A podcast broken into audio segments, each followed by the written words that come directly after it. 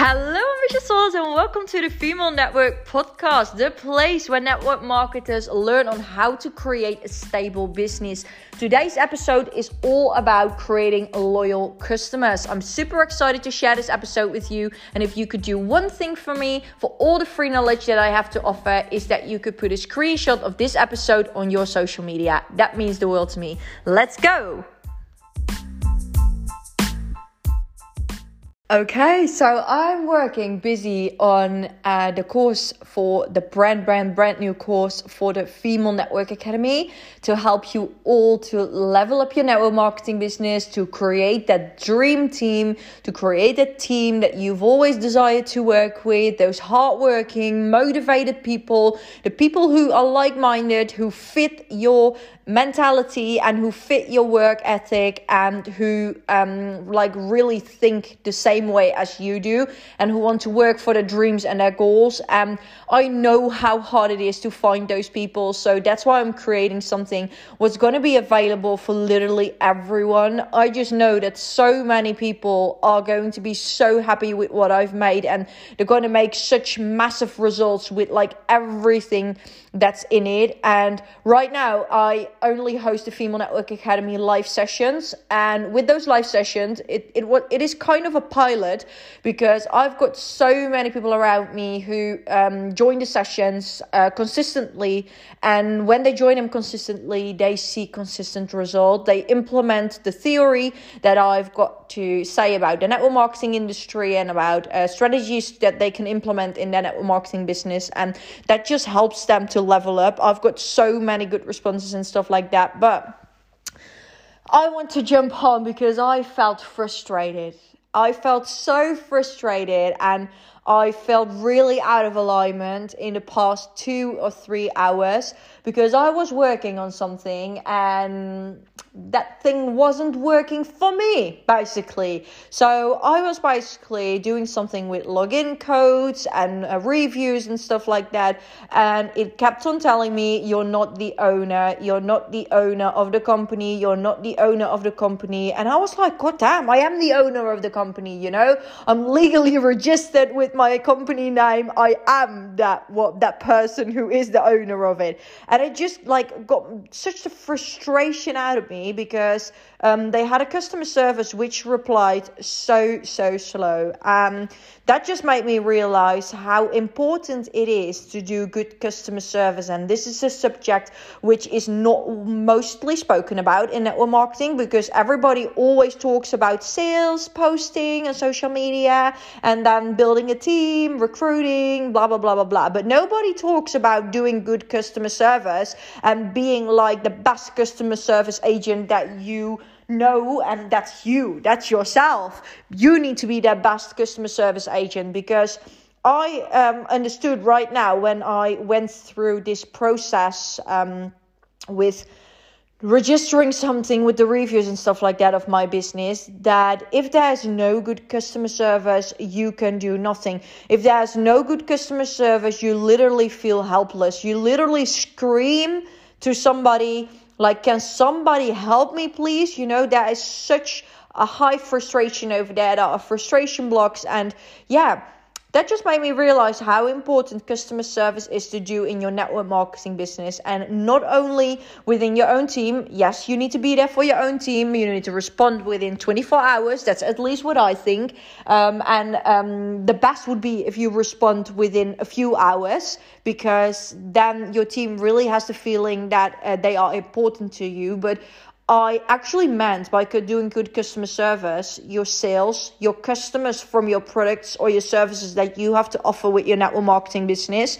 Because without those products and without those services, that wouldn't be a network marketing company. And that's what a lot of people don't understand. They think it's all about recruiting, recruiting, recruiting. And I agree in that, that building a team is going to make you huge money. But if you build a team with like minded people who all sell nothing, you still don't have a team because if they don't sell, you don't make points, you don't make volume, you don't make money.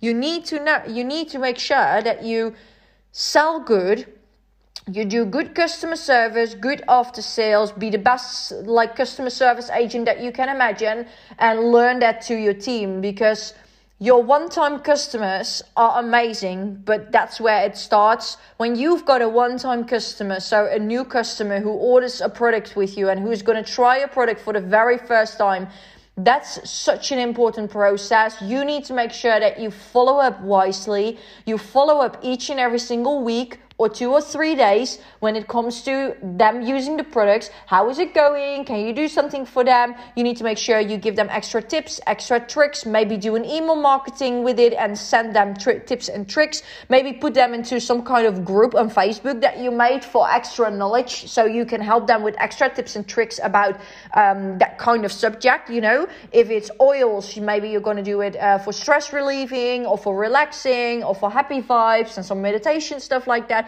Maybe if it's for health, you can do uh, something like. Um, um, uh, good recipes for your breakfast, for lunch. You know, you can do workouts in a special group. You need to make sure that you have an extra thing you have to offer to your customers. Maybe an ebook that they will get. You know, if you offer something extra and you give them something extra each and every single week, then they won't forget you. You keep in that, you, you stick into their mind. And if you stick into their mind, it's, pretty sure that they will buy something extra from you and they will buy again if they like the product and they thought your customer service was amazing you know? I always make sure that i treat my customer actually like a queen and a king you know? The reason why is because um no the reason how i do it is maybe better to describe it. Um how i do it is that I write down when their birthday is. I write down when they have their wedding. I write down when they are pregnant. And I make sure that I send a card or I make sure that I send a digital greetings from me to them saying that I saw something online and that I'm so excited and happy for them. You know? That's something what I do. And I make sure that I treat them the best that I can. Once in a while, I just pop them a message, even though that they haven't ordered from me afterwards. I pop them a message, how they are doing, that I saw that they just went to a vacation in Italy and how the vacation was, if it was a ride and how they are doing in, in life in general. I just make sure that I care about my customers. And what a lot of you don't do is actually caring about your customers. You only see a sale and that's just it. But that's not how network marketing works because network marketing is all about the networking. And that doesn't mean always networking in getting extra business partners. That means networking. Keep networking with your network, so also with your customers, so they will stick with you. You know, that's what network marketing is all about because you don't have a big, big brand around you. You do personal branding. So people buy products because of you. So if you don't do good customer service, they won't remind you and they're not going to buy with you. And maybe they buy this exact same product with another distributor, with one of your colleagues, one of your business partners, you know? So you need to make sure that you need to be the best customer service agent that you can be and remind yourself of uh, treating your customers like they're everything for you. And even though that you're maybe in a trap where you only recruit, recruit, recruit, you build a team, you motivate your team, you do training,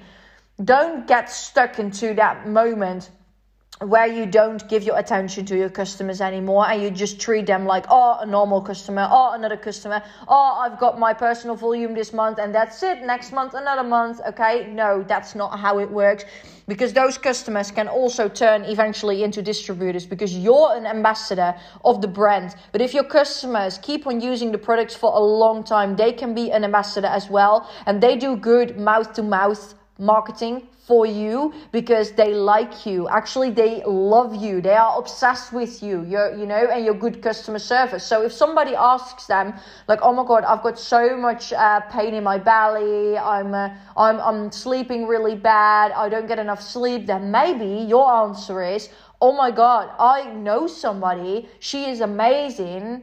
And she has these kinds of products and i can definitely recommend that her to you. And they will not recommend you when you do bad customer service and you don't pay attention to them and you don't give them the feeling that you're really interested in them you know genuinely being interested. It's not about the sale and the money, it's about the long term relationships and actually that you can do something for somebody, you can mean something to somebody, and that's how you create a loyal long term customer. Hope this helped.